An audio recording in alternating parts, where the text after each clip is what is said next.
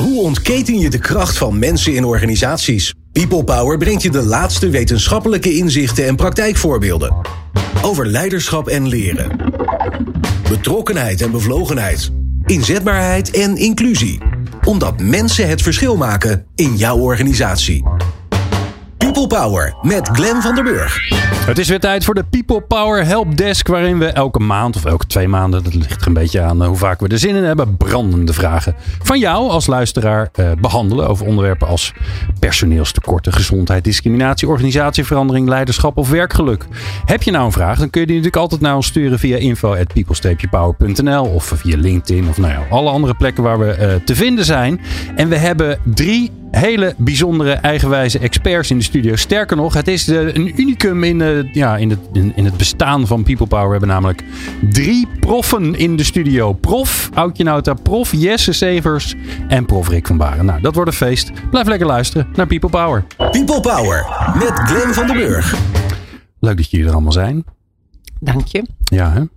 Ja. Ik, ik voel me... ehm, voel ik me kennistechnisch minderwaardig. Dat sowieso. Altijd wel. Eh, daar, wil, daar wilde ik het graag even een uur over hebben met jullie. Ja, wil je jullie, geholpen zitten, worden? jullie zitten allemaal wel een beetje in hetzelfde vakje, hè, volgens mij, toch? Rick, ja. Rick psychologie, gedrag. Aukje, Ook psychologie. arbeids- en organisatiepsychologie. Ja, ook toch? wel heel erg gedrag, houding, emoties. Ja. Ja. En Jesse? Ik heb arbeids- en organisatiepsychologie, maar Ook? ook, toegepaste economie. Daar heb ik mijn PhD in. Dus, Ah, oh, oké. Dus je bent niet gepromoveerd in de, in de psychologie. Ik heb daar een master in. Ja. En dan heb ik nog gestaltherapie. Dat is met de klinische kant gedaan. Oké, en, en Waarom redden we het in een, een eh, promo- uur als je gaat vertellen wat je allemaal gaat doen, gedaan hebt of niet? Eh, zeker. Ja, maar net niet aan. in België. Dan moet ik veel langer praten. Ja. Al met titels en zo. Ja. Ja, ja, ja. Hier valt het mee, hè? Ja. We zijn, eh, ja, we zijn in het kikkerlandje. Ehm, ik heb eh, een tijdje geleden een, een, een fijne op eh, instigatie van eh, mevrouw Nauta een enquête uitgestuurd om eh, eh, wat mooie vragen op te halen. En dan, nou, dan ga ik daar zo'n beetje doorheen denken, nou, waar heb ik nu zin in? Die had ik onder elkaar gezet in mijn draaiboek. Dat heb ik zo waar. En ik keek er net nog eens een keer snel doorheen. Dan zie je toch, als je het nog een keer kijkt, zie je weer nieuwe dingen. En toen dacht ik, hé, hey, ze gaan ongeveer over hetzelfde. Ehm, want, eh, dus eigenlijk gaan we het gewoon een uur lang over hetzelfde hebben. In ieder geval hetzelfde vraagstuk, wat best een groot vraagstuk is volgens mij. Ehm Radboud van Hal, eh, eerste vraagsteller van de Human Capital Group. Die, ehm, nou hij stelt niet echt een vraag, maar hij heeft meer een soort van statement. Hij zegt voor het eerst in de geschiedenis zijn mensen de grootste schaarste binnen organisaties. Nou ja, probeer maar eens aan hout te komen zou ik zeggen. Eh, of aan eh, de juiste granaten in Oekraïne. Ehm, maar dat zal nog decennia zo blijven. Hij zegt, maak jouw organisatie klaar zodat jouw mensen bij jou willen blijven werken. Dus die, die is er al. Hè? En, en, en hij zegt nou, recruitment, iedereen is maar bezig om steeds meer mensen binnen te halen. Maar begin nou, eh, begin nou binnen en zorg ervoor dat dat allemaal goed op orde is. Dus dat je, je loopbaanpaden er zijn enzovoort enzovoort. De tweede vraagsteller is Maud Smulders. En die zegt ja, eh, aanhoudende eh, personeelskrapte. En toch zie ik dat heel veel werkgevers nog steeds dezelfde mensen zoeken. Nog steeds een schaap met vijf poten. Eh, nog steeds maar van alles en nog wat. Je moet en dit en dat en zus en zo allemaal zijn. Eh, dus hoe kan dat nou eigenlijk? Dus waarom blijven we in die groef zitten? Vond ik een interessante. Dus daar gaan we ook nog over hebben. En Robert CD die zegt ehm, van kerngericht in bedrijf. Ik denk dat dat zijn eigen bedrijf is, schat ik in. Eh, die zegt, eh, hoe kunnen we nieuwe hybride benaderingen en zienswijzen ontwikkelen over de taakverdeling en optimalisatie van werkgeluk bij besluitvormers en leidinggevenden? Oftewel, mijn vertaling is, ehm, eh, hoe kunnen we er nou voor zorgen dat mensen het naar hun zin hebben op hun werk en ook nog eens een keer doen waar ze goed in zijn? Want dat is hard nodig, want dan willen ze bij je blijven. Nou, kortom, ehm, zullen we maar eerst even, beginnen bij de groef? Dat vind ik wel een interessante. Dus hoe komt het nou dat als je nu gemiddeld kijkt, tenminste dat is mijn aanname, naar wat er gebeurt bij organisaties die allemaal roepen dat ze moeilijk aan mensen kunnen komen, dat ze toch nog steeds op zoek zijn naar hetzelfde, namelijk iemand die alles kan. Wie heeft er zin om iets te roepen? Nee, nee Rick heeft er helemaal geen zin in. Aukje wel, die is aan het lachen. Mag nou ja, ja ik, nee, ik, Of- of- of zeg je niet, van, maar, nee, nou ja, maar het eerste waar, waar ik ja, aan, aan denk is, ehm, begin maar eens bij de kwaliteit van de arbeid te kijken. Ik weet niet of het een antwoord is op je vraag, maar ehm, ja, toen, jij, toen jij deze prachtige inleiding zo gaf, dacht ik onmiddellijk van, ja, waarom ontwerpen we werk niet zodanig dat het interessant is? En daar kom ik vooral op omdat ik uh, nou, een keertje een, praatje ergens hield. En dat was ook Frank Pot. Hij uh, is ex-directeur van uh, TNO Arbeid. En hij vertelde mij iets waar ik ontzettend van schrok. Namelijk dat in Europa 20% van de mensen zogeheten kortcyclisch werk heeft van minder dan een minuut. Dus dat betekent bijvoorbeeld dat je in slachterijen een taak hebt als ze continu sneetjes maken in het vlees. En bijna, oh. acht, bijna 50% heeft werk met een cyclus korter dan 10 minuten. Dus dat betekent dat, nou ja. Er zijn alle callcenter medewerkers die dan ja. die doen iets en dan doen ze weer de Precies. volgende. En het is niet zo dat met het uh, nieuwe werk opeens dat uh, kortcyclische werk allemaal weg is geautomatiseerd. Uh, Want ja, ook als het gaat om artificiële intelligentie, hè, dan moeten er allemaal beelden getagd en gelabeld worden. En dat is ook ontzettend rot werk, hè, wat continu hetzelfde is. Hmm. Dus ik zou zeggen, ja, kom eerst maar eens uit de groef van, van rotwerk organiseren. Want uh, ja, meer dan, nou ja, bijna de helft heeft sowieso monotoon, routineus uh, rotwerk. En uit enquêtes van autonomie blijkt, uh, van TNO blijkt ook nog eens dat stelselmatig de autonomie van mensen ja, laag is en steeds lager wordt. Bizar. Ik kan me wel. Ik, ik had dat beeld helemaal niet. Dat 20% van de mensen doet iets wat elke keer minder dan een minuut duurt. Dus ja. elke, en elke keer hetzelfde. Elke keer dan ben hetzelfde. je toch gewoon een machine? Ja, en de, de, ja. Dat, dat terwijl in, het, in de Arbo-wet staat. Uh, dat monotoon werk zoveel mogelijk vermeden moet worden. Aha. Maar die discussie hebben we met z'n allen helemaal niet. Dus feitelijk zijn dit de vragen die hier binnenkomen. Die gaan natuurlijk vooral over theoretisch geschoold uh, werk. Maar ja. begin eerst maar eens met het praktische werk een beetje aantrekkelijk te maken. Ja, oké, okay, mooi. Jesse, jij ging al aan. Ja, bij die conclusie vond ik het wel interessant. Want als ik die twee optel, dan heb je dus 70%, waar dat is alleszins niet het schaap met vijf poten vragen blijkbaar. Hè? Dus het is enkel over die 30%. En dan zou je nog kunnen zeggen, uiteraard, als wat er dan nog overblijft, is heel complex. En daar heb je dan uh, schapen met vijf poten voor nodig. Dus misschien moet je het wat verdelen, als ik het nu heel simpel redeneer. Yeah. Maar ik denk, die groef komt ook, als ik naar mijn eigen organisatie kijk, je redeneert van buiten naar binnen. Hè. Je kijkt gewoon van wat is er allemaal uh, te doen en dan is er heel veel te doen. En dat wil je gewoon aan een kostefficiënte manier doen. Dus je vraagt daar één persoon voor. Ja, dat is, dat is, en dan ja. zie je wel wat je binnenhaalt, wat je binnenvist. En dan weet je op voorhand al, we mogen blij zijn als iemand drie van de vijf poten heeft, maar we kunnen er maar vijf vragen. Want dan heb je heel veel verschillende combinaties. Hè? Dus van die vijf, drie op vijf kan op heel verschillende manieren verdeeld worden. En dan kijken hoe dat, dat past binnen het team. Maar dan zeg je eigenlijk, uh, we hebben het gewoon niet zo handig georganiseerd. Dus vragen we maar iemand die van alles en nog wat kan. Want dan, ja, dan kunnen we altijd wel ergens kwijt. Nee, want je kunt hem ook omgekeerd redeneren. We hebben het zeer handig georganiseerd. Omdat we natuurlijk vijf verschillende dingen vragen die je nooit allemaal kan doen. Maar we geven jou wel de autonomie om er drie van de vijf uit te kiezen. Dus kijk, Aha. wij doen dat fantastisch eigenlijk. Aha. En we aanvaarden dat er twee dan niet gebeuren. Ja. En in jouw geval dan, Jesse, hè, vanuit CEO doen jullie dat, hè, zijn jullie ook op zoek naar mensen die van alles nog wat kunnen, omdat de, de wereld buiten zoveel aan jullie vraagt. Hè? Dus zo zie ik het er maar even. Dus je maakt een hè? Ik kan me ook voorstellen dat het juist dan weer mensen afschrikt die denken, ja, ja maar ja, wat, hè, wat ze bij Jesse nodig hebben, als ik dat zo zie, nou, drie van de vijf kom ik misschien aan, maar die andere twee dingen. Dus uh, weinig, niet mannen, mij. weinig mannen worden door afgeschrikt. Uh. Oh ja, ja, ja. ja. Uh, tot, ons, tot nu toe is dat niet onze ervaring. We hebben eigenlijk altijd tot nu toe de luxe gehad om te kunnen kiezen. Ja. Dus ik, ik snap wel, ik hoor ook van andere clubs dat het uh, schaarste is, maar Jullie hebben er niet zoveel last wij van? hebben er eigenlijk helemaal geen last van. Ah, Integendeel. dan heb je blijkbaar iets goed gedaan. Ja. Hauke, jij kijkt iets meer van buiten. Wat doen ze goed? Ja, ja, ja, het is gewoon volgens mij een hele fijne club om bij te werken. Uh, ja. Ja, waarin je gewoon heel, heel veel vrijheid, heel veel autonomie hebt om het werk in te vullen zoals je uh, zelf wil. Dus, dus ja, wat dat betreft is het gewoon een aantrekkelijke plek. Niks mis mee. Ja. En ook de, als je de basis neemt, maar dat gaat uh, vanuit van motivatie, dan kom je op het ABC, hè, autonomie, belongingness, ergens bij horen. Wij zijn klein. In dat opzicht is het ook gemakkelijk om je ermee te identificeren. Hij zit niet in een club van 15.000 man. En competence. Dus wij zorgen er ook voor. Je kan bij ons ook opleidingen volgen. We verzorgen opleidingen, maar je kan ook opleiding uh, volgen. Daar is echt uh, 4000 euro budget voor per persoon. Okay. Uh, per wow. jaar. Dus in dat opzicht investeren wij daar ook in. Als mensen die nood voelen, kan dat. Uh, ik denk die drie, dat maakt ook dat mensen intrinsieker gemotiveerd blijven. Ja. Want ze blijven ook, hè? dat is weer de andere kant van de medaille.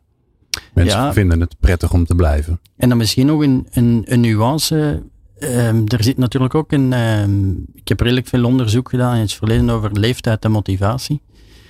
Eh, en dat is ook verschillend. Of dat je jongere mensen binnentrekt of oudere mensen. En wij zoeken, quote-unquote, ouderen, 40 plus. Hè. Ik, zelf ben ik dat ook, dus ik ben oud tegenwoordig. Mhm. Ehm, en die ouderen zijn nog meer, daarvoor is het intrinsieke, namelijk de autonomie, zeer belangrijk. En die, onze, we zijn zo georganiseerd dat het ook kan. hè. Dus eh, dat is nog anders als je jong bent, dan is bijvoorbeeld externe motivatie. Niet, niet ongek, hè, want je hebt nog niet veel resources, geld verzameld. Dus ja, dan word je iets meer gedreven door geld of een bonus enzovoort. Maar iemand van 52 denkt, ja, voor die 100 euro extra, geef mij maar een vakantiedag extra. Of meer regelruimte, dat Ja. ik 's morgens en 's avonds anders kan, kan inrichten en zo. Dus Ja. wij zitten meer op de laatste, omdat ons doelpubliek eh, ook zo is. Rick, ik ben wel benieuwd hoe jij daarnaar kijkt. Want het is natuurlijk ook zo dat we uit een periode komen, tenminste nou ja, bijna zo lang als ik me in ieder geval eh, eh, kan herinneren, dat de, de werkgever de macht heeft gehad op de arbeidsmarkt. Dus we hebben best wel een lange periode gehad eh, ja, dat er gekozen kon worden. Hè? Dus alle systemen, methodieken, hoe we altijd gewerkt hebben met het naar binnen halen van mensen, dat heeft altijd met, eh, vanuit de gedachte gewerkt van ja, wij, hebben, wij kunnen kiezen. Nu is dat anders. De vraag is hoe lang dat blijft, maar eh, dat zal nog wel even zo blijven. Dan moet je ineens ook anders gaan denken en andere keuzes gaan maken. Ja, eh, dat, dat weet ik eigenlijk niet helemaal. Eh, het is niet. Ja, we hebben wel periodes gehad dat het niet bij de, bij de werknemer lag. Hè? Zo- Zoals ze het nu zeggen, dat het een, eh, een kopers- of verkopersmarkt is. We hebben ook in de afgelopen 40 jaar hebben we ook eh, periodes gehad dat dat minder was. Nou, als je kijkt naar, eh, naar ehm, ziekteverzuim of zo. Dat, eh, op een gegeven moment als er een crisis is, wordt ziekteverzuim minder. Dat soort dingen. Dat is best wel, het zijn hele interessante processen. Ja. Maar wat ik hier zo mooi vind is, ehm, als je het vergelijkt met, eh, met, met eh, paringsgedrag, partnerkeuze in de evolutie. Uiteindelijk is het wel evolutionair verstandig om voor het maximaal haalbare te gaan. Dat, eh, je, krijgt een, je krijgt een maximaal haalbare partner. Dat is ongeveer zeg maar, het idee. Hè? Dus je, je probeert en eh, ergens loop je tegen een onder- en een bovengrens aan, zeg maar. En dan, daarbinnen probeer je het best mogelijk te krijgen. En ben je ook altijd vatbaar voor eventuele verbeteringen. Dus ik kan me wel voorstellen dat je als eh, organisatie daar in essentie ook gewoon, dat je er nog op hoopt. Dat, dat begrijp ik wel. Dat is denk ik een heel natuurlijk proces. Dat je denkt van ja, bij ons, we hebben een gaaf bedrijf. Bij, hè, wij kunnen die, ik zou niet weten je aan een schaap met vijf poten hebt. Maar stel dat je het zoekt. Wij kunnen die krijgen, zeg maar. Dat, dus dat, dat vind Ja. ik op zich helemaal niet, niet gek. Dus ik weet ook, ja, ja, op het moment dat je merkt dat je strategie niet werkt, zul je wat anders moeten. Maar de, dat dit de, de basishouding is, is denk ik heel, heel oké, zeg maar. Ja. En dan ga je vanzelf, zul je adaptief moeten zijn als je denkt, ja, er komt niemand. Dan- moet je op, met andere prikkels gaan werken. Maar hoor ik je dan ook zeggen, eh, het, tot het besef komen, we zijn niet zo aantrekkelijk, is ook wel een pijnlijk besef. Dat wil je eigenlijk niet eens. Ja, ja de Toch? meeste mensen dealen er echt fantastisch mee. Want dan zeggen we daarbij, eh, if you can't have the one you love, love ja, the one ja, you ja, with. ja, ja, ook potje en dekseltje. Ja, nee, maar dat, ja, toch? Dat, uit, ja, uiteindelijk is dat, word je, is het gewoon, is het de markt. Zeg maar, je, je merkt of je veel, kijk, ik, ik kan me, bij, bij jou eh, kan ik het me voorstellen, als je bij een kleiner bedrijf, eh, je doet veel aan eh, persoonlijke ontwikkelingen, dat soort zaken, dan willen mensen gewoon komen. Ja. Dat is bij ons ook. We hebben nooit, nooit problemen om mensen te krijgen. Maar we zitten in een luxe positie. We hebben die ABC, wat je zegt. Wij, wij- ja, dat, dat, dat doen we nou eenmaal goed. Maar ben jij gewoon minder aantrekkelijk? Ja, Nou, en in die zin hebben werkgevers natuurlijk ook de laatste jaren niet hun best gedaan. Door ook zoveel flexibel werk aan te bieden. Tegen niet al te hoge salarissen. Het risico lekker bij de werknemers neerleggen. Waardoor in coronatijd heel veel mensen die in de horeca werkten. dachten van. Goh, laat ik me eens omscholen tot iets wat ik echt wil. Ik was dit afgelopen weekend nog op Schiermonnikoog. Nou. In, in de horeca, het, zijn alle nationaliteiten die daar inmiddels werken. Het is natuurlijk gewoon fantastisch dat die ook, ook werk kunnen krijgen. Ehm, maar het toont wel aan dat, dat er een enorm gebrek is aan, eh, eh, ja, aan, aan arbeidskrachten in, in de horeca. En dat hebben ze deels over zichzelf afgeroepen door geen aantrekkelijke huwelijkspartner, of hoe je het ook maar zou noemen, te, te zijn. Maar je hebt dus die marktwerking mensen wat- die dat corrigeert natuurlijk. Dat, dat is Ja, het maar het gaat veel toch? te langzaam, Ja. vind ik. Dat vind ik nog wel erg Ja. opvallend. En volgens mij komt dat ook door het feit dat zoveel mensen gewoon ja, niet lid zijn van de vakbond, waardoor er geen, geen vuist gemaakt wordt. Dat er zo ontzettend veel ZZP'ers en flexibele arbeidskrachten zijn, maakt ook dat ja, wij in Nederland ons steeds slechter organiseren en daardoor niet makkelijk een vuist kunnen maken. Het gaat heel traag, vind ik. Ja. Maar, ja, maar dan is het probleem. Wat is dan het probleem? Zeg maar? Is het probleem dat je als werkgever je, je mensen niet krijgt? Want dat is, eh, dat, dat is uiteindelijk jouw probleem. Dat is niet per se het probleem van je medewerkers. Of is het, kaart jij nu aan dat het probleem is dat we eigenlijk niet goed met onze mensen omgaan? Ja, nou eh, ei- eigenlijk beide. Want eh, kijk, als jij ook heel sec zegt van het is nou eenmaal een markt, daar, daar, krijg ik ook een beetje eh, jeuk van. Omdat ik denk van ik. Bijvoorbeeld, ik zou in, in mijn huwelijksrelatie wil ik toch ook niet dat, dat mijn, mijn partner gewoon een marktpartij is. Hè, dus, dus volgens mij gaat het er ook om van, van welke wereld willen wij met elkaar creëren. En ik zou het zo fijn vinden ja, als die wereld niet alleen qua klimaat, eh, maar, maar ook qua hoe we met elkaar omgaan, een beetje duurzaam is. Ja. Dus eh, ja, de werkgevers krijgen nu een deksel op hun neus voor het feit dat ze niet goed voor hun medewerkers zorgen. Nou, dan gaan ze nu onder druk van de markt dat ineens wel doen. Maar dat heeft een werknemer natuurlijk onmiddellijk door wanneer dat niet oprecht is. En wanneer het niet echte liefde is. Volgens mij wordt het tijd dat werkgevers en werknemers echt van elkaar gaan houden en van de wereld. eh, ja, op, opdat we eh, de wereld en elkaar goed gaan dienen. Ja. Ik denk dat er dus eh, twee dingen tegelijkertijd spelen. Dus ja, het gaat traag. Maar dat is ook logisch. Hè? Je, je gaat voor het maximaal haalbare. Dan ontdek je, moei, we krijgen die misschien niet. Wat, wij dan vervolgens zouden doen, want we hebben natuurlijk scenario B en C, is dat je met specialisten gaat werken. Je gaat ze hunten. Mensen die, want ze zijn moeilijker te vinden daar in de jungle. Dus zoek maar iemand die die specifieke markt heel goed kent. En dan ga je beginnen overwegen, zetten we die op vast contract of niet? Want die mensen hebben macht. Hè? Dus dat is een discussie economisch gezien, maar ook in termen van het sociaal kapitaal. En als het dan niet lukt, dan denken we misschien moeten we het anders inrichten. Maar dan zijn we op stap drie. Hè? Dus dat gaat heel traag. En dan hebben wij nog als kleine organisatie de luxe om dat simpel anders in te richten. Maar dat kan je in heel grote bedrijven, is dat niet zo. Dus ja, dat gaat traag. Tegelijkertijd, het feit dat het een markt is, het is ook een markt op dit ogenblik. Zeker in Nederland. Lekker neoliberale markt trouwens. En je, ik hoor je pleiten voor een soort wereldbeeld van de commons. Daar hebben we Ja, voor in een zeker. sessie gezeten. Ja. Hè? Maar dat gaat natuurlijk heel slecht, omdat, die, nee, omdat dat altijd op dat grensgebied zit. Neem nu dat ik het organiseer als een soort common. Ja, Misschien moet je even uitleggen wat een common is. Of, of eh, wat, Ja, Ja, is ik, makkelijk, hè? ik, zou daar wel heel benieuwd naar zijn op dit moment. Ja. Het is heel gewoon. Eigenlijk is het heel gewoon.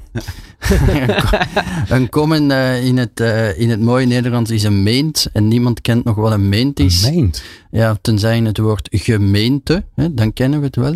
Dus het is eigenlijk een, eh, iets dat van niemand is, omdat het van iedereen is. Zoals water en bossen en lucht enzovoort. Grond zou je ook kunnen argumenteren. Maar vinden we wel moeilijker. Maar de grond van de maan, dat vinden we wel logisch dat dat van iemand is. En de, de grond op de diepzee is ook van niemand buiten van het hele mensheid. Maar je hebt dat ook op vlak van kennis. Hè. Je zou even goed kunnen bedenken dat het internet of Wikipedia enzovoort, dat dan een soort van meenten zijn. En dan kan je ook naar je organisatie kijken en kenniscirculatie zien als een soort van meent. Het is van iedereen, het is van niemand. En je mag dat vooral niet claimen van het is van mij, dus jij moet dat kopen en ik kan daar geld voor vragen. Als je dus je organisatie gaat inrichten via een wat deels zou kunnen, dan kom je altijd op het probleem dat je natuurlijk een grensgebied ontmoet. En dat grensgebied is, mijn concurrent organiseert zich niet zo. Ja, en die jat alles wat ik heb. There we go. Ja. Dus als ik als eerste Ja. begin met een ander waardekader te introduceren, dan moet ik al wel heel veel marktmacht hebben om dat te kunnen gaan doen. Ja. ja, maar die zijn er natuurlijk her en der. We hebben toch her en der netwerkorganisaties, coöperaties. En, en die hebben het inderdaad heel erg moeilijk in een kapitalistisch systeem. Hè? Maar je Ja. moet ergens beginnen. Ik moet het altijd aangeven als ik een podcast publiceer. Dan moet ik altijd graven, is het copyright of, is Ja, het, eh, hè, of, of Ja. valt het onder de commons? En dan mogen mensen het gewoon gebruiken. In plaats van dat ze dan toestemming moeten Ja, vragen. en hoe ga jij dan geld verdienen? hè? Als je alles als een common en het is open. En, Ja. En ehm, participatie door medewerkers in je bedrijf? Ja, dat, dat, wat, wat, vind je daarvan? Is dat oké? ja, dat is ontzettend belangrijk. Ja, dat, dat, dat vind ik echt he- he- heel maar je, erg bedoel jij key. participatie in de zin van ze ze zijn mede-eigenaar? Ja, ik heb eh, 32,5% van mijn bedrijf is van de medewerkers. Ja, Ja, ik ben, Ik ik ben heel 30 erg helaas voor. eh, maar- ik ben heel erg voor arbeiders zelfbestuur. Zo werd het vroeger ook, ook wel eh, eh, genoemd.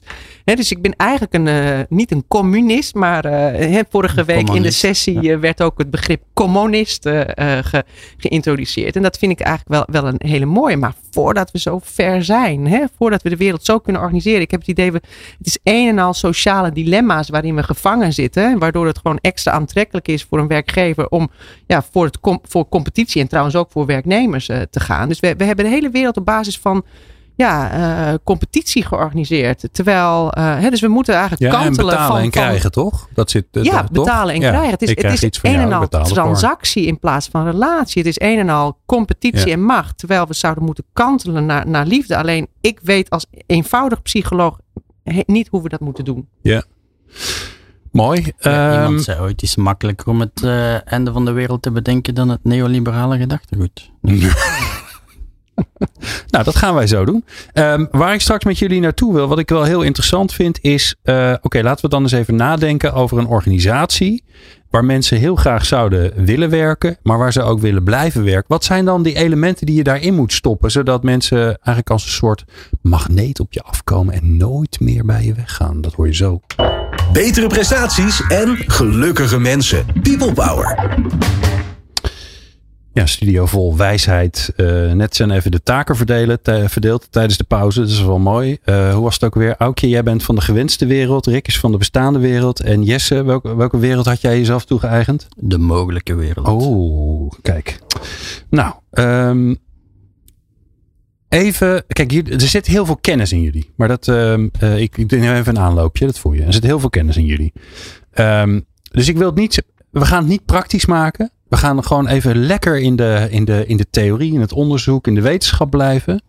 Als je nou zeg maar, eh, als we een beetje moeten verzamelen waar eh, werk, samenwerken, organisatie aan moet voldoen om ervoor te zorgen dat mensen er willen werken, willen blijven werken, eh, plezierig werken met, eh, met energie, eh, langdurig kunnen blijven werken, zich blijven ontwikkelen, enzovoort, enzovoort, enzovoort, enzovoort. Wat is de basis? Ja, ik denk heel erg aan psychologisch contract en psychologische contractering. Hè, daar is eigenlijk al heel veel over geschreven. Dat je verschillende soorten psychologische contracten hebben, hebt. Je hebt een relationeel contract. Waarin het eigenlijk eh, je, je werk een beetje als in een familie of in een huwelijk eh, voelt. Je hebt een transactioneel contract. Dan denk je loon in ruil voor arbeid en verder hoef ik niet zoveel. En dan heb je nog iets wat er tussenin zit. Hè, dus dat is een, ja, een beetje van beide. Ja. Eh, en dan denk ik, daar zou een werkgever, maar ook een werknemer heel goed over na- moeten denken. He, dan zie je de arbeidsrelatie ook als een onderhandelingsrelatie. Van, goh, wat heb ik nou eigenlijk nodig om prettig te kunnen werken als werknemer?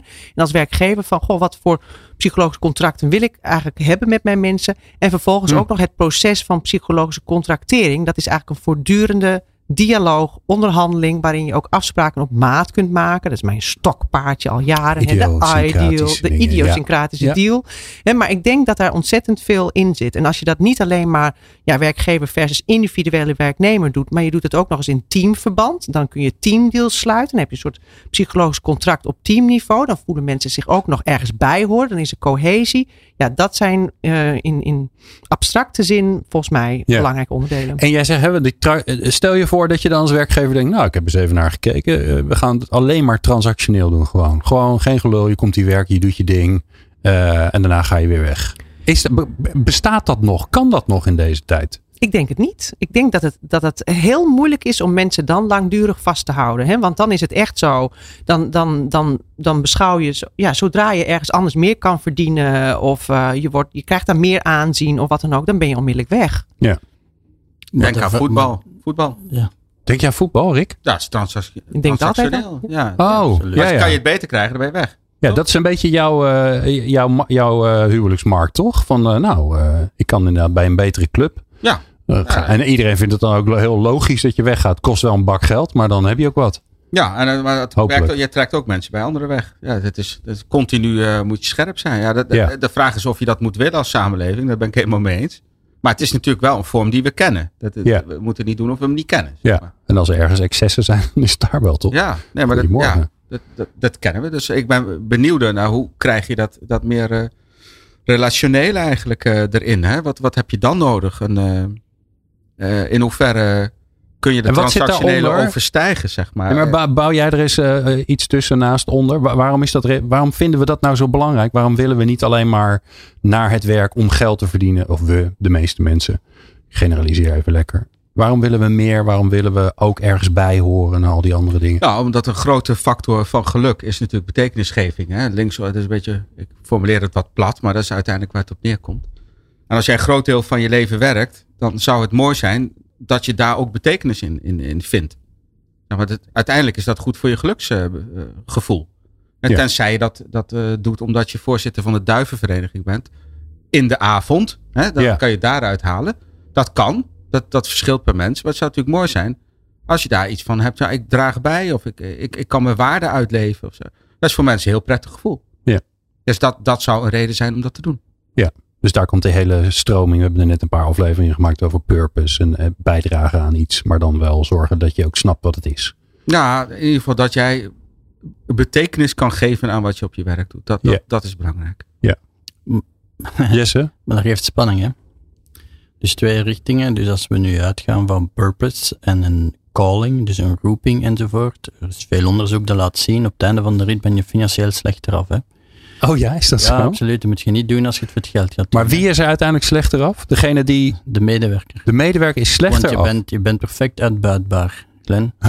ah ja, je gaat het toch doen. Het is toch jouw passie en je roeping. Je ziet al die actrices in Hollywood, die, die, die hè, 52 en ze zijn nog altijd aan het solliciteren en ze hebben eigenlijk totaal in slechte arbeidsmarktomstandigheden.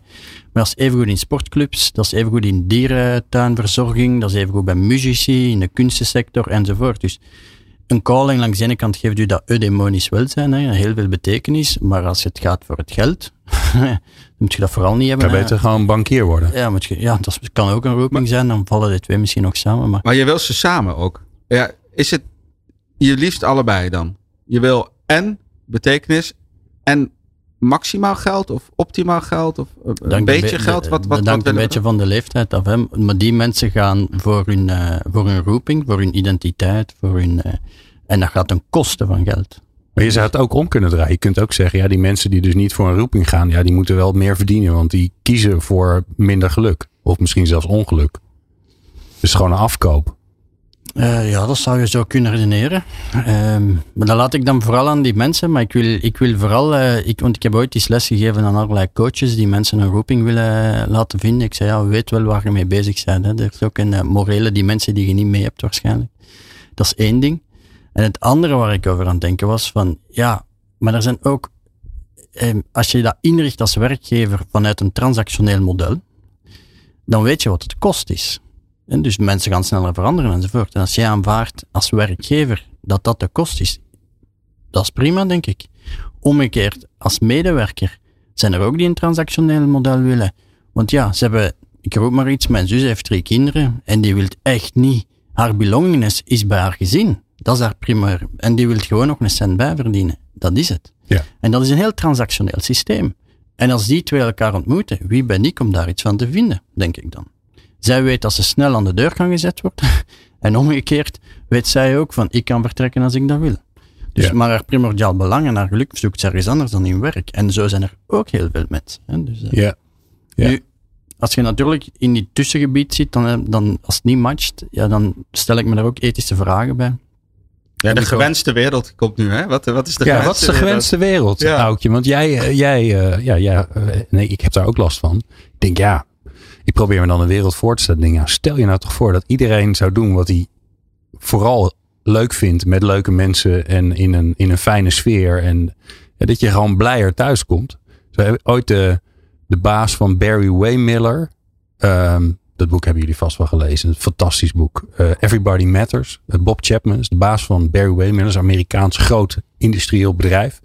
En, op, en die, die zei in zijn speech, ja, gegeven moment had ik door wat mijn nieuwe KPI is. En dat is namelijk het aantal eh, echtscheidingen onder mijn personeel. Want als mijn mensen blij en gelukkig thuiskomen in plaats van zagrijnig en geïrriteerd, ja, dan gaan het aantal echtscheidingen om, uh, omlaag. Klopt, Dat ja. vond ik, wel, vond Ik vond het hele mooi. mooi. Ik vond het ook een hele mooie in een verhaal van die Dan Price, dat die, die, die, die directeur van Gravity Payments in Amerika. Die ontdekte van de mensen zijn eigenlijk het meest gelukkig als ze zo 70 à 75 dollar per jaar verdienen. En toen heeft hij zijn eigen salaris van een paar miljoen sala- eh, omlaag gedaan naar ook 70.000. En, en bij de rest allemaal omhoog eh, gedaan. en Ja, het daar verdient mooiste, iedereen hetzelfde. Ja. ja. precies. En, en het mooiste resultaat zei hij dat eh, de afgelopen tijd in plaats van 1 à 2 baby's per jaar 40 baby's per jaar werden geboren. Hè, waarin hij, en, en uiteindelijk kocht het personeel voor hem, die kon, zij konden niet meer aanzien dat hij in een oude Audi reed. En eh, kochten ze voor hem een Tesla. Hè, om hem te belonen voor hoe hij met zijn, met zijn mensen omging. Nou, dit zijn wel ja, tranentrekkende.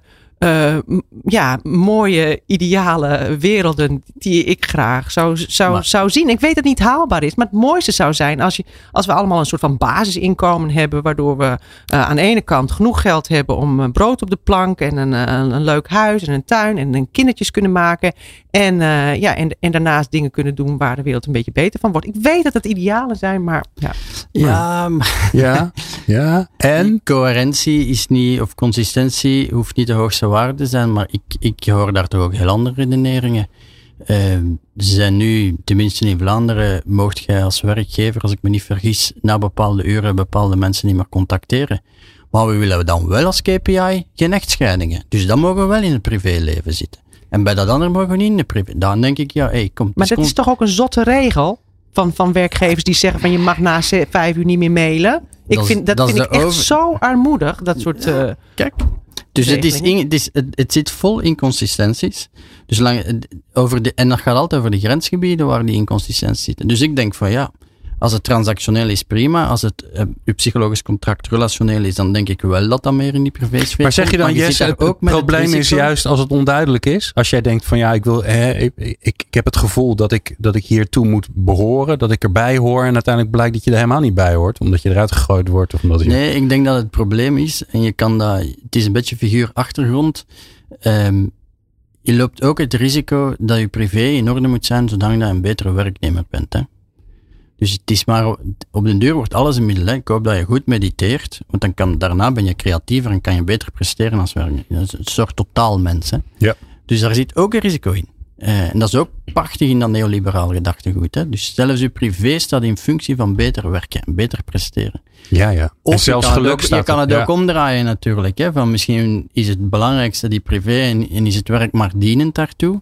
Zeker, ja. En, en, en uiteindelijk, Maar ja, het wordt consist- zo snel gedraaid. Hè? Ja, ja en, en consistent is, is, is heel, heel lastig. Maar ik denk dat het uiteindelijk toch een soort van gulden middenweg zit. Dat elke arbeidsrelatie heeft zowel transactionele als relationele aspecten. En, en dat dat het meest gezonde, de meest gezonde manier is van, van werk geven en werk eh. Als Ja. je erover kan praten, babbelen zou ik zeggen.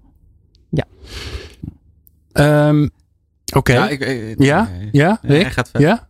Nee, jij wilde jij had net een aanloop. Nou ja, ik, ik denk, het is ook best wel luxe wat we hebben natuurlijk. Als je terugkijkt naar hoe werk ontstaan is, dat was gewoon eh, was levensonderhoud.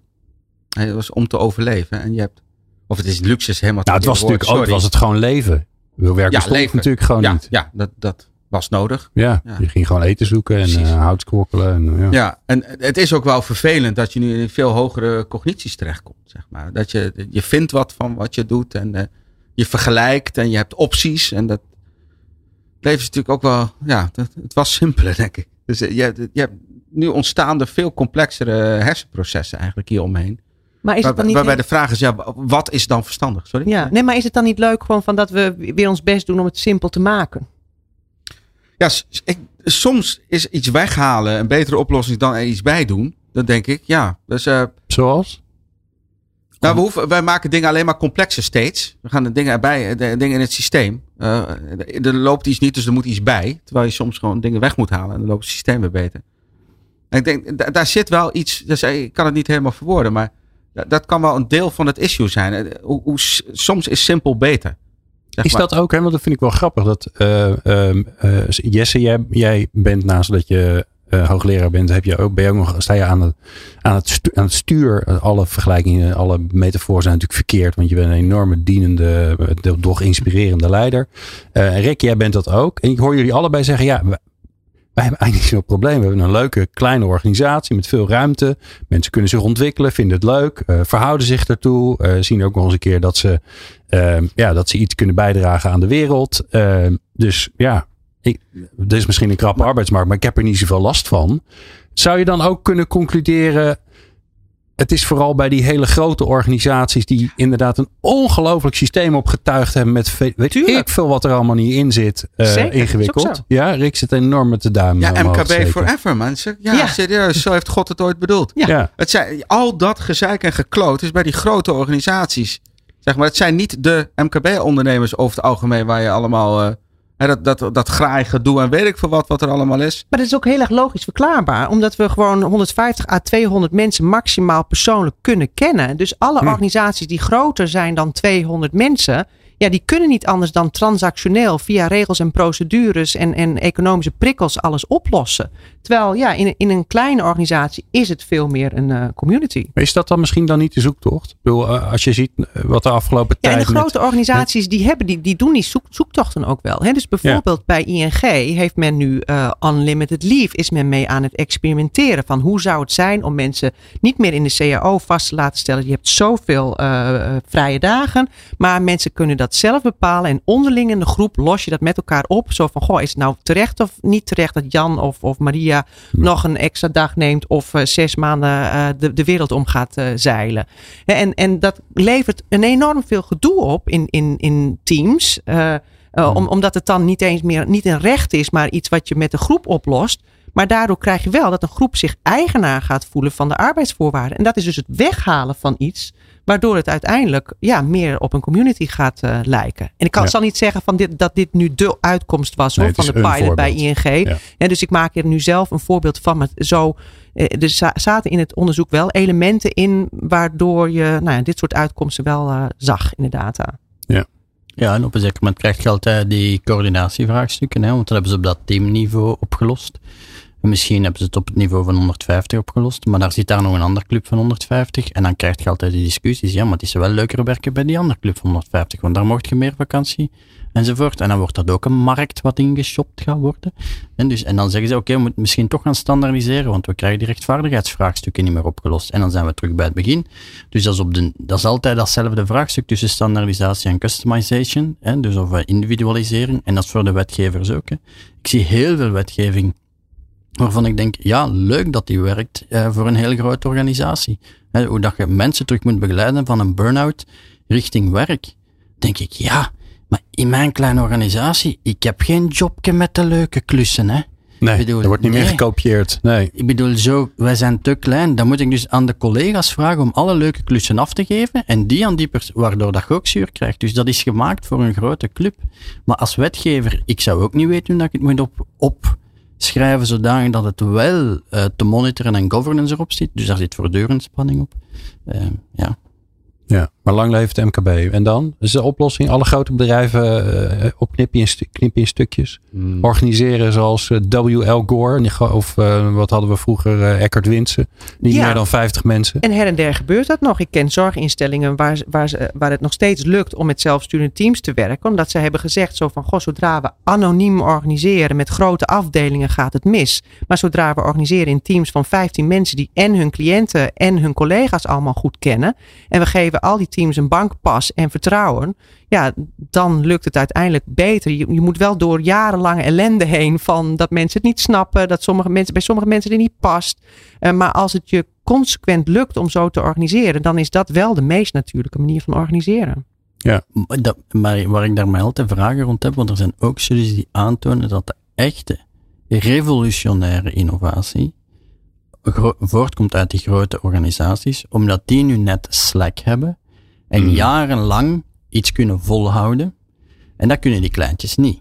Dat zou dus die grote clubs hebben ook een functie in zo'n ecosysteem van organisaties. En als we dat allemaal gaan verkleinen, weet ik niet zal zich ook wel oplossen. Maar dan ga je wel uit van, van uh, uh, dat het altijd maar belangrijk is om te innoveren. En dat is eigenlijk ook maar de vraag of we daar met z'n allen gelukkiger van worden. Zolang dat de wereld volatiel is, gaat toch telkens een nieuw antwoord moeten vinden. En dan nieuw antwoord is denk ik uh, logischerwijs innovatie. Maar dan zal evolutionaire blik misschien nou ja, nuttiger zijn dan mijn kennis. Ja, bij gedragsverandering heb je een probleem wat je moet oplossen. Simpel. Dat is het. Ik, ik, Je hebt eigenlijk best wel een simpel leven. Heb Ja, het gaat niet om. Ik, ik hoef de toekomst niet te voorspellen, zeg maar. Nee. Dat, dat, dat eh, lukt me niet. Maar de uitdaging is natuurlijk wel hè, dat eh, als we praten over hoe organisaties wat meer zouden moeten zijn, dan krijg je allemaal van die vage termen. Hè. Dan moet je wendbaarder, of dan moet het meer als een familie, of dan moet het Allemaal meer, middelen, ver- ja. meer, verbi- meer verbinding. Dat is dan ook zo'n ding. En dat is natuurlijk jouw stokpaardje. Dat je zegt, ja, Abstracties. meer verbinding, Ja, geen idee. dat wat is toch niks? Nou ja, maar dat kan je toch allemaal concreet maken via verhalen. Ja. Ja, dus, dan, dus dan, ja, eh, het, het zijn abstracte termen, maar ze worden eh, realistisch wa- wanneer het gaat om, om, om verhalen. Ehm, en, en dat moeten we, ja, met, ja, die verhalen moeten we ook waar zien te maken. Maar eh, ik, ik vind verbinding helemaal niet abstract. Nee, maar ik, ik wil daar ook direct de donkere kant even van aangeven. de donkere kant van. Je bent een beetje aan de, aan de dark side vandaag. Maar dat geeft anders, niet. Dat anders is is altijd zo die wenselijke wereld. En dan denk Ja, ik, ja, ja, ik, ja. ken die- ik heb dat ook allemaal al gelezen. En dan, maar ik zie daar ook andere dingen. Ik heb ook onderzoek gedaan naar wat dat ze vriendschapsculturen noemen. Dat is de, een soort familiecultuur die doorgaat in moderne tijd, vriendschapscultuur. Eh, vooral bij die Silicon Valley jongens, hè, dan moeten we ook nog pingpongen en al die dingen. Hè. Ja, ja. Maar vriendschapsculturen zijn ook gewoon ketenen.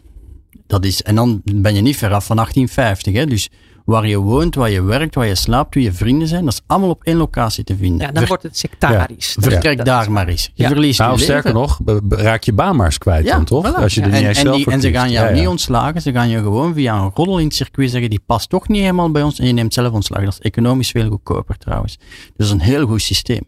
Dus zeg ik cynisch. Maar, de, maar dat mensen het gezicht niet zien. Maar dus ik wil maar zeggen, verbinding ook met maten. Hè. Ook met maten. Tuurlijk. Ja, juist Dus met maat, hè? ja. Met je maten. Ja, Nee, maar ja, niet met je collega's. zeg je eigenlijk heel simpel overal wat tussen. daar, eh, hè, we, we schieten gemakkelijk door naar de ene of de andere kant. Hè? En, en dus zit de waarheid vaak in het midden. Hè? Dus daarom is ook wat ik zeg van, eh, nou, het moet een beetje gebalanceerd psychologisch contract eh, zijn. Hè? Je hebt een relationele en transactionele element. En je hebt te veel verbinding, maar je kunt ook te weinig verbinding. Dus ook wat dat betreft zit het weer in het midden. Het is heel saai, maar dat is wel hoe het eigenlijk is, denk ik. Nou ja, dat is natuurlijk wel interessant. Hè? Dat we, we hebben toch de neiging om in een soort eh, absoluutheden te praten. Terwijl, nou, als ik één ding heb geleerd van eh, mijn samenwerking met de heer Van Baren, dan eh, ja, is er altijd spanning. En er zijn er altijd uitersten. Hè? Hoe Balans. heet het ook alweer? Hoe heet het ook alweer? Ja, ja, gewoon balans. Balans. Het zijn allemaal balansen. Allemaal Ja, balansen. altijd. Ja. Net als verbondenheid en autonomie en al die dingen. Het is altijd balans. Ja, De hele ja. psychologie is één bak aan balansen.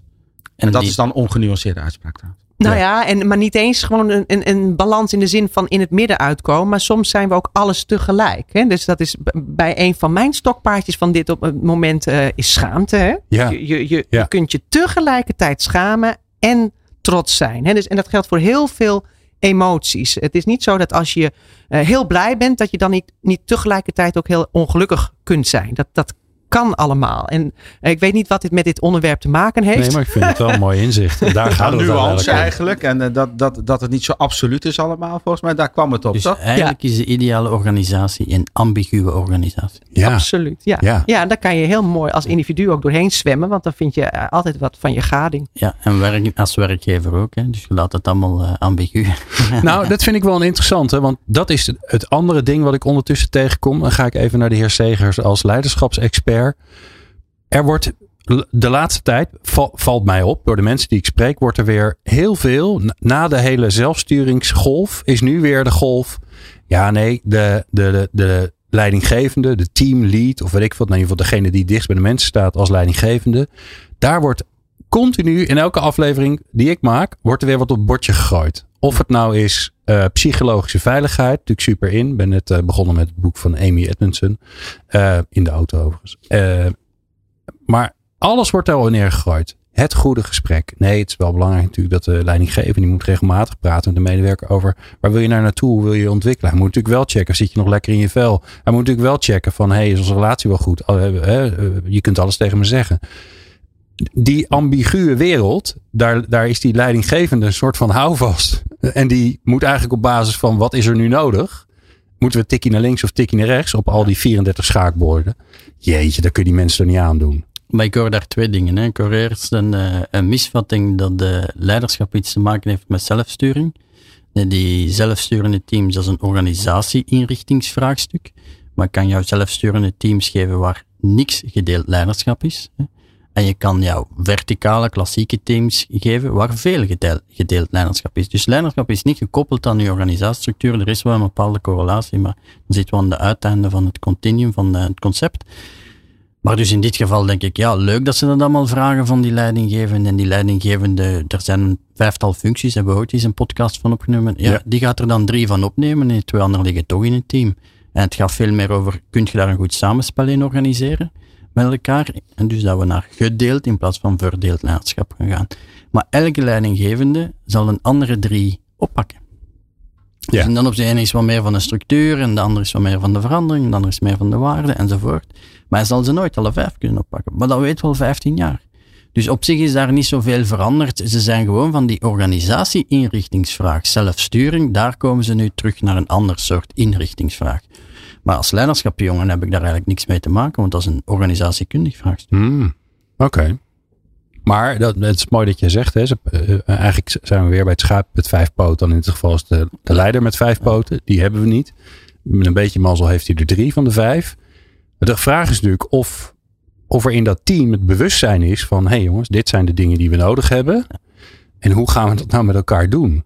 En dat vind ik zo en opvallend. en daar hebben we het eigenlijk niet... Tenminste, volgens mij wordt daar heel weinig over gesproken. En weinig actie, aandacht aan gegeven. Ja, het klopt wel dat in zwakke situaties, dus onduidelijke situaties van wat het handelingsrepertoire moet zijn, zoals crisissituaties, mensen roepen naar eh, het fenomeen daddy come to rescue. Hè. Een sterke leider heet dat dan zo. Dat Ja. weten we ook al jaren en dag. Maar ja, dat zijn dan mensen die eenvoudige antwoorden geven op complexe vraagstukken. Dus dat gaat hem op termijn ook niet worden. Maar als niks, dan vervangen we die sterke door een ander sterke en nog eens en nog eens en nog eens. Dat ziet je in de politiek ook gebeuren. Dus ja, daar, dat vraagt gewoon een gesprek, hè, denk ik. Van, ja, succes- ik snap je vraag, emotioneel helemaal oké, maar het antwoord ga je nooit niet krijgen. Eh, en dan gaan we met elkaar in, eh, naar een hogere cognitie moeten stappen. Ja. En dat is een taai proces natuurlijk. Ik, ik, ik wou- mag Ja. ik één ding Ja, ja. wat Oh, ja. niet relevant is, maar ik, ik wil een eh, dat toch leiders die hebben het zwaar, zeg maar leiderschap. Maar ik, als ik in organisaties, eh, ik moet het meestal gedrag van medewerkers veranderen. En dan kom je uiteindelijk, ga je omhoog, zeg maar. Dat is ook al grappig, toch? Ga je de piramide omhoog en dan weet je waar het uiteindelijk eh, on- ja, ontstaat. Het staat, Ja. ontstaat meestal niet bij de medewerkers, het ontstaat bij het systeem of bij wat dan ook, de leiderschap. Maar meeste leiders zijn ook gewoon medewerkers. Dat wil ik wel even kwijt, zeg maar. Ah, Dat, dat we daar iets van begrip voor hebben. Dat zijn ook mensen met bazen en die zitten ook aan hun kop te zeiken. En, hè, dat, ik vind dat belangrijk. Zeg maar. De meeste leiders zijn gewoon medewerkers. Ja. Ja, we hebben, we hebben een en sterker het zijn allemaal mensen ook nog eens een keer. Ja, het zijn allemaal mensen. Het is, het is niet hetzelfde als. Zeg maar, we hebben een beeld van een leider. Dat is. Ja, dat, dan zien wij leiders voor ons. Maar we hebben medewerkers. Medewerkers die een bepaald hebben. Ja. Ik, ik wilde wel even. Ik wil, Ja, ik vind dat een mooie, ik vind dat een kwijt, mooie gebroken lans. Ja, Misschien, en het lukt dan. eh, de- de- dat betekent dus dat het niet alleen maar op het bordje van de leider, wie dat dan ook is, om, ligt om, om een goed klimaat te scheppen. Maar dat we daar eigenlijk met z'n allen voor verantwoordelijk zijn. Hè? En, en in die zin zou, zou het wel heel mooi zijn als we met z'n allen. Ja, jij noemde het op een cognitief hoger plan komen. Of, maar wat zei je? We moeten naar een hogere cogni- Ik, ik cognitie leerde van mijn collega iets over hogere cognities en zo voelt het. Ja. ja. Hogere kan die. Ja, nou en dan vertaal ik het naar mijn van, goh, hoe, hoe gaaf zou het zijn als we met z'n allen beter worden in, in dat goede gesprek. Eh, ook al is het misschien een stomme term, maar ik vind het toch wel heel erg belangrijk van hoe je, ja, hoe je goede vragen stelt, hoe je eh, aannames checkt, Ah. hoe je je weerstand tegen wat er gebeurt in een organisatie ook echt leert uiten. Want alleen dan kom je met z'n allen verder. En dat gaat niet vanzelf, daar ben ik zo langzamerhand wel achter. Dus daar hebben we werkvormen eh, eh, voor nodig.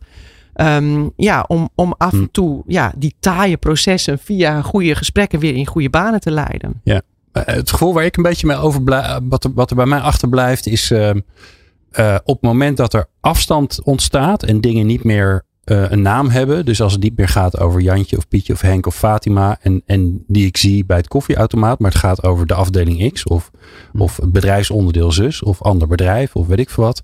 Dan gaan we ineens hele andere dingen doen dan als het over Rick gaat. En die denken, ja, ik moet gewoon met Rick even. Goh, het gaat niet zo goed met Rick. Ik moet even met Rick babbelen. Ja, de Ja, control level theory. Voor de, voor de Oh, ja, nog een keer. Abstractie leidt tot psychologische afstand. En andersom. Dus een bidirectionele relatie. Psychologische afstand leidt tot abstractie. Als mensen ver weg wonen, denk je er abstract over. Maar ook eh, als je over abstracties als je in abstracties praat, dan voel je psychologische afstand. Dat is, dat is een heel fundamenteel hersenprincipe. Dat is lekker dichtbij, lekker concreet. Maar daar zijn we het bijna allemaal over eens. Met de nodige nuances. Maar volgens mij is dat, dat, dat voel je toch? Dat voel je nu als samenvatting. Ja, ja. En on that thought uh, sluiten we af. Uh, volgens mij moeten we dit vaker doen. Ik vond het uitermate leuk. Ik hoop jullie ook. Maar ik heb in ieder geval heel veel lol gehad. En jij natuurlijk hoop ik ook dat jij heel veel lol hebt gehad uh, als luisteraar. als dat daar niet zo is, laat het ons vooral weten. Dan gaan we gewoon andere dingen doen. Of we nemen het niet meer op. Of we zenden het niet meer uit. We gaan gewoon babbelen. dankjewel voor jullie inzichten, tijd, aandacht en liefde. Aukje Nauta, Jesse Segers en Rick van Baren. En jij, tot de volgende. Meer afleveringen vind je op peoplepower.radio en jouw favoriete podcast app.